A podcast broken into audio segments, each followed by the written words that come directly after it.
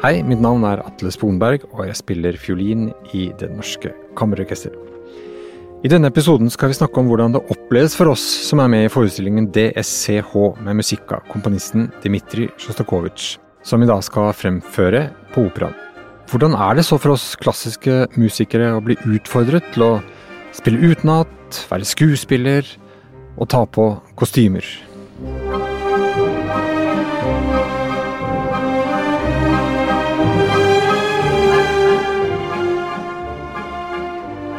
Med meg i studio har jeg da som vanlig journalist, forfatter og korrespondent i Russland i flere perioder, Morten Jentoft.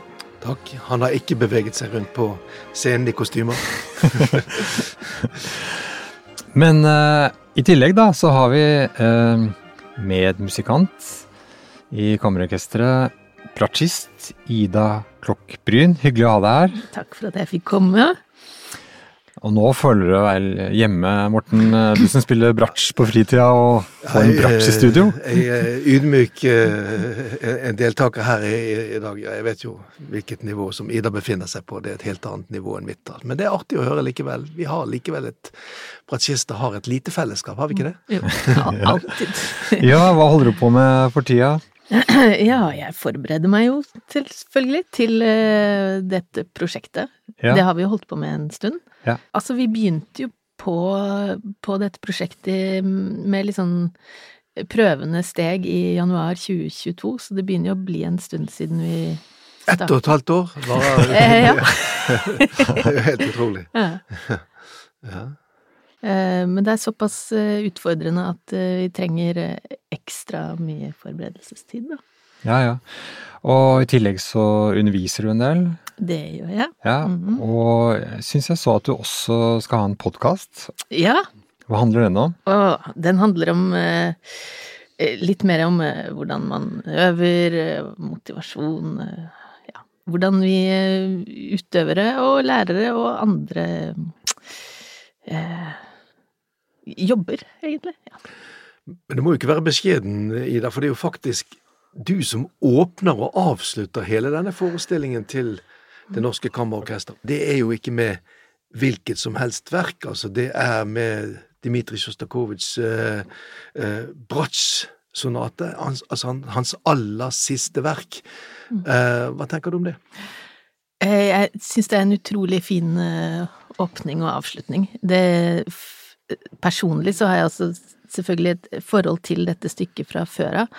Jeg spilte det da jeg studerte, og jeg, jeg, det satte i gang veldig mye inni meg. Hva satte det i gang? Veldig sterke følelser. Jeg opplevde Altså, selvfølgelig alltid hatt mye følelser knyttet rundt musikk, men det å bli introdusert for dette verket som, som ikke bare er skjønt, det er ganske vondt. Uh, og det talte jo da veldig til meg da, i begynnelsen av 20-årene også.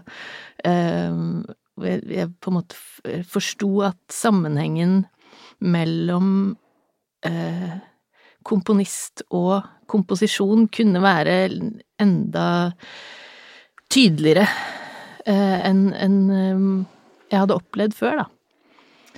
I hvert fall så, så leste jeg det inn i både det ved å lese memoarene til Sjostakovitsj og, eh, og andre eh, bøker av russiske forfattere, hvor jeg, jeg, opplevde veldig sånn inngang inn i musikken som var veldig personlig og veldig ja, direkte, egentlig. Det er jo det vi har snakket mye om, Atle. Ja. Liksom dette med Sjostakovitsjs liv midt oppi dette store eksperimentet på godt og mye vondt som uh, Sovjetunionen var, og dette er altså på en måte en slags uh, avslutning, da, denne Bratsj-sonaten, da, på et, et, dramatisk liv på mange måter. Er det, er, det, er det, sånn du også opplever dette? Ja, er det liksom et resultat av alt det vonde med Stalin, eller som gjør at det blir så rørende, eller er det hans personlige kriser og opplevelser? Han er, syk, han er, jo en syk, mann når han skriver ja, dette. Ja, mm. ja. Kan nesten ikke bevege ene armen. Og, Nei. Og du tok jo også med deg, Ida, et, en, en, en, kopi av, av Faksimilen. Ja, ja altså, av det, kan du si, notematerialet da, som, mm. som, som Sjostakovitsj da leverte til trykking den gangen i 1975. Ja. Hva tenker du når du ser på det ja, materialet? Altså, man ser jo en uh, skjør hånd, og på en måte, særlig i begynnelsen, det er veldig sparsommelig og musikken er veldig sparsommelig der i begynnelsen, og det eh, Det er så innmari mange innganger til det òg, og det eh, Det gjør det ekstra spennende å, å, jobbe med det materialet, for det er ikke så det er ikke så tydelig hva det er han vil alltid. Så derfor så er det så veldig mange veier å gå, da. Hva mener du med at det ikke er helt tydelig hvor han vil gå? Um, er altså noen, noen uttrykk i, i, musikken er jo veldig overbevisende, man skjønner her er det full fest, for eksempel, eller dette er fryktelig deprimerende, eller sånne altså tydelighet, da. Tydelig med frasering, eh, firetakters fraser og åtte og sånne type ting. Mens her er det Det kan være så mangt. Så du kan jo på en måte Du må lete litt, da, og velge deg eh, tyngdepunkter, velge deg uttrykket. Hvor, hvor ligger det? For det, er, det kan være i, i sjatteringen eh, Ja, alle, alle, de sjatteringene av angst, for eksempel, da. Hvor, ja. hvor angstfylt er det? Eller, ja. eller kanskje han er, er han Er det trist? Før du uttrykker deg, så må du jo vite hva du skal si. Og det, da syns jeg det er veldig gøy å spille musikk hvor man må lete og kanskje man aldri kommer helt fram, da. Ja. Det er jo en veldig flott åpning av forestillingen, så mm. la oss høre litt på bratsjsonaten.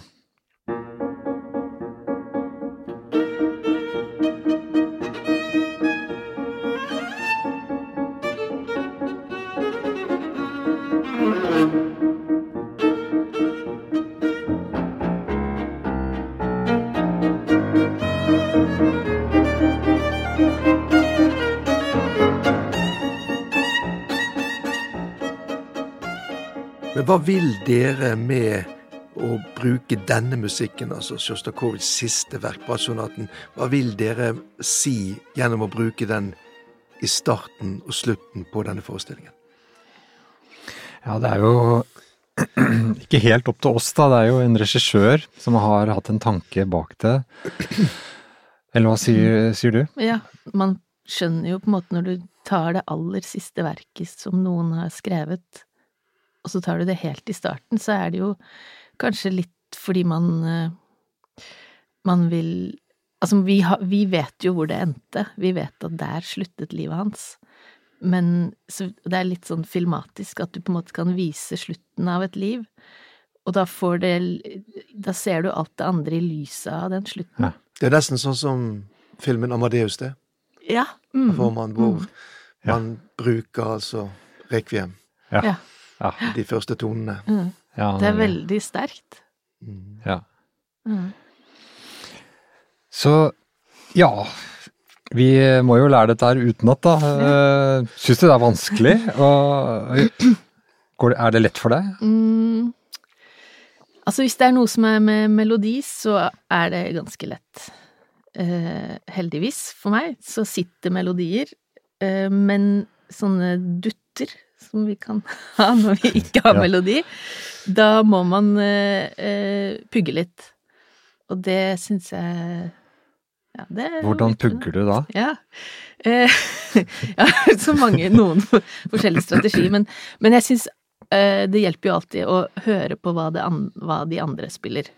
Så jeg pugger jo da med å hø, høre på CD-er. Men altså sånn som også bratsjister, så ja. Vi har jo virkelig en utfordring ofte der, sant? for det, vi, vi, spiller jo ikke, for å si det sånn, det er ikke så veldig ofte vi får melodier eh, tildelt, altså i motsetning til Atle og fiolinistene. Ja. Så vi, det er faktisk vanskeligere for oss å lære utenat. Regner jeg med, nå, ja. nå har ikke jeg spilt noe særlig utenat. Altså. Har du ikke spilt utenat? Nei, lite, lite at. Hva er dette for noe? mm. Ja, men det, ja, mm. det, er, det er jo eh, Jeg syns i hvert fall det er veldig, det er veldig mye lettere å, å lære seg en melodi. Den er jo ofte oh, ja. Man skjønner liksom hvor det skal, og hvis det går litt galt, så kan man bare pynte litt på her. Men når vi bare har sånn et par takter med det, det, dø, di, do, så, så klarer du ikke å få en sammenheng i det. Nei, jeg kan relatere til Det er jo ikke helt riktig, for det var både første og andre fele. Førstefiolinistene det er jo mye lettere, de har jo melodien. Ja. Men så er det bratsj, andrefele, cello, hvor, de, hvor det ikke er noe melodisk å knytte til. Så, sånn som den sjuende strykekvartetten. Altså, strever så vanvittig med det, og da må jeg høre på det, og så må du pugge faktisk hver note, eh, gjør jeg da. Og så noterer jeg gjerne med litt sånn farge, nå er det iPad eh, som vi bruker på noter, ikke sant. Fargelegge visse mønstre i musikken. Så det er forskjellige sånne metoder da, som jeg i hvert fall prøver å bruke for liksom å få det inn, det der andre felet. Så, så, publikum som kommer til denne forestillingen, de bør egentlig ha mest sympati med de kan du si, andre felene patchene, altså ikke første felen i orkesteret? Nei, overhodet ikke. Ja, det er noe primadonnaer. Men noen ganger så hjelper det også å se, altså visuelt, da. Hvor jeg ja. på en måte, ok, de tre første linjene, da, se, da, vet jeg at det er litt sånn krøkte her og der. Så kommer det fire linjer hvor jeg har tre noter per takt, for ja. eksempel, sånn, så man lager små mønstre, da. Uh, og jeg har også vært med på uh, at man printer ut uh, notene, og så går man til et sted, og så spiller man det stedet der. Ja. Og så går du videre til neste sted, og så spiller du det stedet der. Ja. Uh, så du på en måte uh, Ja, du, du forbinder, det med... forbinder med et sted, da. Ja. Um, for eksempel. Og så er det jo liksom muskelminne. Mm. Jeg husker hvilken streng var det jeg var på. ja. Mm. Også, men jeg har, har, det best hvis jeg kan klare å lage en slags melodi ut av det, selv om jeg ikke har melodi. Ja. Ja. Eh, så hvis noe går kjempesakte, for eksempel, så kan jeg spille det i trippelt tempo bare for å få en melodi ut av det. Ja. Selv om det ikke er en fengende slager, da. Det er dette du snakker om i din egen podkast, da. Ja, ja, ja. sånn som hjemme, hjemme har jeg sånn, jeg prøver en taktikk på den oktetten som vi spiller, da. Mm. At jeg eh, Første sida, den eh, har jeg over senga. Mm. Så med en gang jeg står opp om morgenen, så ser jeg rett på den. Det er begynnelsen. Og så siste sida har jeg på utgangsdøra. Og så er det sånn forskjellige steder rundt om i leiligheten min, da. Så at jeg kan forbinde hver side med liksom eh, et sted i stua eller i leiligheten. Så jeg er litt usikker på hvor, hvor godt det funker, men eh, jeg har troa. Ja. så ingen skal beskylde musikerne i Det Norske Kammerorkester for, ikke å ta den oppgaven om å lære det utenat på alvor? Nei, nei, det er seriøs business, altså. Ja. Det er ubønnhørlig, ikke sant. Hvis du ikke kan det, så faller jo de andre ut. Hvis det er, ikke sant. Så du må liksom ja. Du må naile det, altså. Ja. Jeg tenker mye på skuespillere da, som, som skal lære seg tekst. Uh, nå har ikke jeg gjort det veldig mye i mitt liv, men, men uh, det som er uh, Når du sier en tekst, så er den jo veldig forståelig for deg. Stort sett, da. Ikke sant? Det er en setning, så du vet sånn cirka hva innholdet er. Men hvis vi skal lære oss dette litt sånn kjapt, så er det ikke sikkert man i det hele tatt har noen, noe innhold i det. Og det syns jeg er litt utfordrende i denne produksjonen, at vi på en måte Vi har ikke, la, vi har ikke laget innholdet før vi begynte på scenen. Eh, og det er veldig sånn uh, uvanlig må måte å jobbe på, og som gjør det ekstra utfordrende, da. Ja. Vet du, Ida, hvordan du kommer til å framstå på scenen? Nå har vi hørt uh, Atle skal komme med en slags kjole og en hatt på hodet. Hvordan kommer du til å opp, komme ut på scenen? Du skal jo åpne hele dette ballet. Uh, ja Jeg er litt usikker på om jeg skal ha noe på hodet, for det har ikke jeg fått prøve ennå. Men vi har jo noen kostymer som i hvert fall gir meg assosiasjoner til noe som er litt sånn militant. Det vet jeg ikke om er riktig, men det er det jeg ser i det. Uh, og at alle skal ha være ganske like. Uh, og da er vi jo liksom litt inne på det derre militæret, da. Så både jenter og gutter skal ha liksom Det skal være androgynt. Ja. Um, I hvert fall de fleste av oss. Ja, ja, i kjole. Ja, du har kjole, ja. Ja, det nettopp. det blir fint. Skal skal, betyr det at dere skal på en måte framstå da som noen litt sånn undertrykte sovjetborgere som eh, har bare fått beskjed om å gå i ett? Altså framstille på en måte sovjetsamfunnet som noe litt sånn grått og trist og uten farger, eller hva er det som ligger bak her, da? Jeg tror ikke det. Jeg tror det er i forhold til hver scene og musikken, på en måte, at han har tenkt på det. Ehm, I forhold til stemningen og kanskje noe mystisk. Jeg tror ikke han har lyst til å legge alt i kortene, liksom, på at publikum skal skjønne å, det, er, det var det de mener. Men jeg tror at uh, han Det er nesten sånn som Sjostakovitsj musikk er det. ja, nemlig. Han, han mener at, eh, at det skal være folk, eh, publikum skal ha sine egne versjoner av de, det de hører og musikken de hører, få egne bilder på det, da. Så det er ikke for tydelig, på en måte. Er, er min oppfatning av det. Men i tillegg, da, så må vi jo Vi må jo bevege oss og gå rundt på scenen og uh, Hvordan opplever du det? Ja, jeg syns det er gøy. Ja. Uh, Jeg liker det veldig godt. Eh, På den måten at da må jeg kunne materialet så godt at jeg ikke blir satt ut av at jeg må bevege meg. Eh, Så det er litt igjen da på læringen der, føler jeg, hjemme. Ja. Men eh, Men kan du spille like godt når du beveger deg, da? eh, Det tror jeg ikke. Nei. Nei, jeg tror ikke det. Jeg tror det skal mye til når man, mens man går, fordi det er eh, I hvert fall så opplever jeg det, det som det kreves hvis du virkelig vil si noe med musikken uten det visuelle, da må du være så konsentrert og så på en måte i kontakt med følelseslivet, og det å holde da det instrumentet mens du går, det gjør jo Det er jo på en måte en Da du, pass, du ødelegger jo litt din egen eh, eh, Ja, hva skal jeg si her? Det er litt vanskelig, vanskelig å forklare, men, men uh, Noe er frigjørende med det på en måte, eller? Ja, det er jo det, fordi du, du kan jo da Altså, du blir opptatt av noe annet. Ja. Noe som gjør at det blir Det er ofte lettere å, å, å spille når du ikke er så opptatt av at du spiller. Men du Atle, du er jo litt mer vant til å bevege deg på scenen. Du spiller jo annen type musikk, også tango og forskjellig sånt. Så, så for deg er dette her eh, Ikke for å komme hjem akkurat, men det er noe som du er litt vant til, altså. Ja, på en måte bevege meg litt og gå litt rundt blant folk og Det er jo vant med det på den måten, men når vi skal ha en regi på det Jeg skal blant annet spille en vals, da, eh, hvor jeg skal flørte med min medspiller.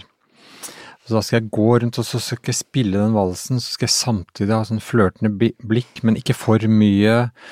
Og så skal jeg samtidig huske hva jeg skal spille, og så plutselig så får vi det der som vi kaller utenat-blikket, hvor du bare ser rett frem, og alle skjønner at det, det eneste du tenker på er husker jeg dette? Ja. Uh, og da glemmer du jo alt med bevegelse og teater, ikke sant? Så, så det er en egen sånn Jeg tror vi må få høre litt på denne, denne, denne valsen som du skal spille. Ja, la oss gjøre det.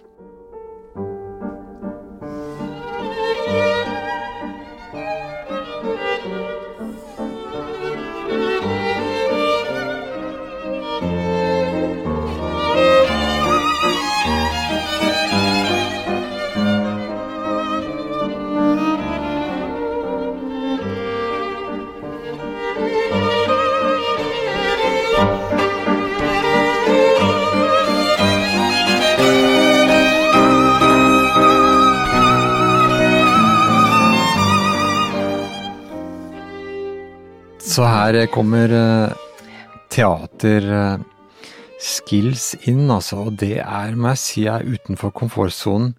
Hvordan liksom jeg kan flørte med blikk mens jeg spiller, bevege meg ikke for mye, det skal ikke være sånn derre overspilling, ikke sant. Vi er jo ikke skuespillere, og da komme inn på et felt som er eh, som jeg syns er utfordrende, rett og slett.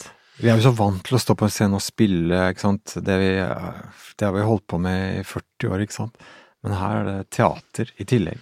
Hva tror du Sjostakovitsj selv, eller hva tror dere Sjostakovitsj selv hadde tenkt om denne forestillingen her? Altså, han var jo en mann som var opptatt av ikke bare musikken, men også flere uttrykksmåter. Tror du han hadde likt seg i salen? Og...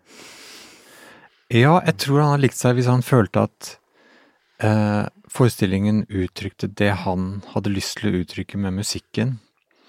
Eh, men hvis han følte at det på en måte ble kunstig i forhold til det han selv har lyst til å uttrykke personlig, så tror jeg kanskje han ikke hadde likt det. Jeg vet ikke, Hva sier du, Ida? Ja, jeg tenkte at han sikkert hadde kost seg. Syns det var gøy at vi gjorde det på en annen måte, fordi han, han spilte jo ofte med på Altså til stumfilm, da, for eksempel. Så han liksom kanskje kan eh, relatere til det. Så han sikkert blitt ganske overrasket over at musikere vandra rundt på scenen. Mm. Tenker dere noen gang på at han kanskje satt, eller sitter i salen med en røyk i munnen og, og følger med på hva dere gjør? ah, Nei, men det skal jeg tenke på nå. ja, ja, det var en god idé. det var en god idé. Det det. Det ville kanskje gi litt sånn ekstra til forestillingen, faktisk, å tenke Ja. seg det. Men jeg håper vi kan være enige om at han smiler litt. At han ikke er så Ja, ja. Riktig. Vi vil gjerne ha en Ja, at han smiler litt, Litt, bak de brill, ja, ja. brillene Ja. og, og Det var litt ålreit. Ja. Mm. Men hva sitter dere igjen med, da, etter, det, etter dette, dette prosjektet her, altså som eh, utfordrer dere på mange måter? Får dere noe igjen for dette, eller er det mest bare et slit, alt dette her eh, styret som dere må, må gjennom for denne forestillingen? Nei, altså, jeg syns eh, jeg får igjen noe for det, fordi at det, så lenge jeg føler at utenlandsspilling, bevegelse At det er med på å berøre et publikum ytterligere. At det forsterker musikken. Og så føler jeg at jeg får litt igjen for å kanskje frigjøre meg selv litt mer. Med å ha regi, bevege meg, må gå utenfor komfortsonen med liksom å være litt skuespiller. Og det håper jeg at skal virke frigjørende på meg som musiker. I lengden, da. At jeg har vært gjennom det. Du Ida, du sa jo det at du spilte denne f- som skal da så også avslutte hele forestillingen som din eksamen. Mm. Ja. Er det en annen Bratsjonate du spiller nå i denne sammenhengen her? Ja, i høyeste grad så føler jeg jo det på den måten at jeg Eller min tilnærming til musikken i dag er veldig annerledes fra da jeg var 20. For jeg, jeg opplever heldigvis at jeg har en, et større overskudd nå eh, enn jeg hadde da. Samtidig som Eller det er jo helt personlig. Mens musikken er jo den samme for meg, det må jeg si. Sånn sett så er det kanskje nei på det spørsmålet. Eh, mm, men men det, som, det som gjør at man opplever det annerledes, kanskje, er jo også det at man, som Atle er inne på, at man er en slags skuespiller. Og det er, er jo noe som, som man kan ta med seg når man setter seg ned og gjør det mer konvensjonelt senere, at det, du er jo fortsatt helt nødt til å uttrykke deg. Eh, og det har jeg i hvert fall hatt veldig glede av når jeg har gjort sånne prosjekter før. Både det at jeg hele tiden må vite hva det er jeg sier. Eh, det må man jo alltid, men, men det blir enda tydeligere, da. Du kan ikke bare komme løpende fram på scenen og i en bevegelse og så ikke ha noe på hjertet. Eh, og det andre som jeg syns har vært veldig gøy med sånne prosjekter, så er jo at nettopp som vi har snakket om, at man beveger seg utenfor komfortsonen. Og når du får gjort, det i akkurat passe skritt, så er det jo alltid der det ligger en, en veldig sånn oppdagelse. Fordi komfortsonen virker jo egentlig bare hemmende. Så når du får på deg noe som du ikke liker, så setter det i gang følelser i deg som du må ta stilling til. Du kan ikke bare kaste det bort. Eh, Så det syns jeg er veldig givende. Og så er vi jo ikke ferdig med denne produksjonen ennå, så jeg er veldig spent på fortsettelsen. Vi har jo bare så vidt begynt, egentlig. Men det som jeg også har virkelig, virkelig hatt utbytte av, er uh, bare det å ha en regissør som, som ser og, og hører, um, som uh, vi har gjort tidligere, da. At du får sånne knagger. Um, at når vi spiller med noter, så lener man seg og bare holder fokus inn i et manus, men uten at så har vi mer fokus ut. Og det er visst liksom bevist at når du har brystkassa ut mot et publikum når du spiller, så er det mer berørende. Og hvis du har munnen åpen, så er det også rører det mer ved folk. Og hvis du står med eksempel litt bredere ben og hofter, du tenker sånne ting. Som det har vært, virkelig vært knagger som jeg har brukt når jeg har spilt vanlige konserter også. Um, og i, i undervisning studenter og når jeg skal um, Når det handler om formidling, ikke bare lære notene og spille fint osv., men at det, formidlingen at det blir sterkere når du har sånne eh, knagger å holde på.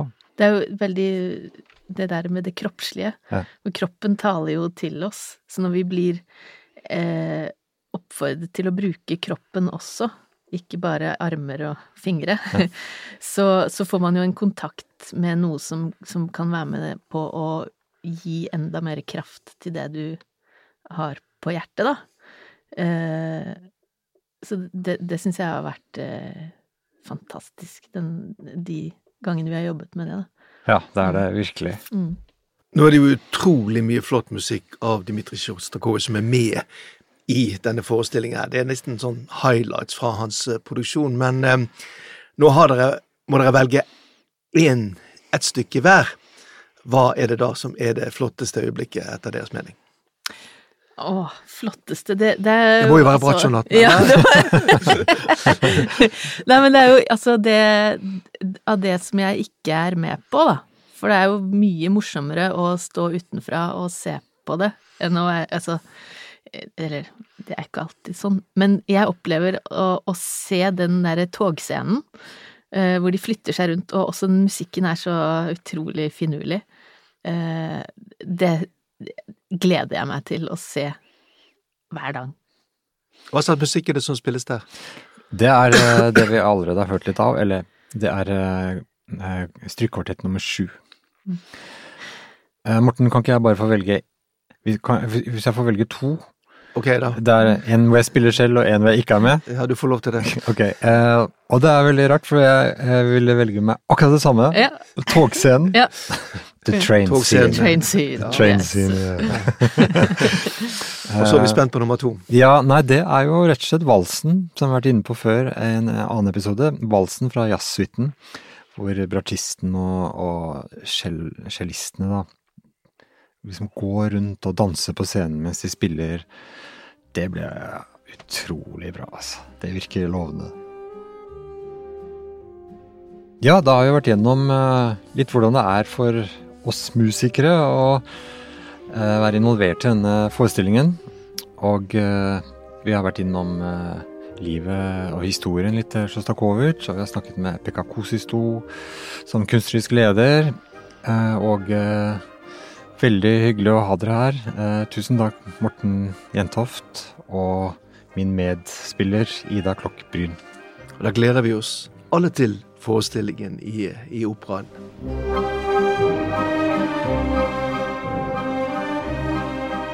Denne podkasten er laget av Lyder Produksjoner for Det Norske Kammerorkester. Regi og klipp ved Christian Norum. Produsent fra Kammerorkesteret er Yushin Kim.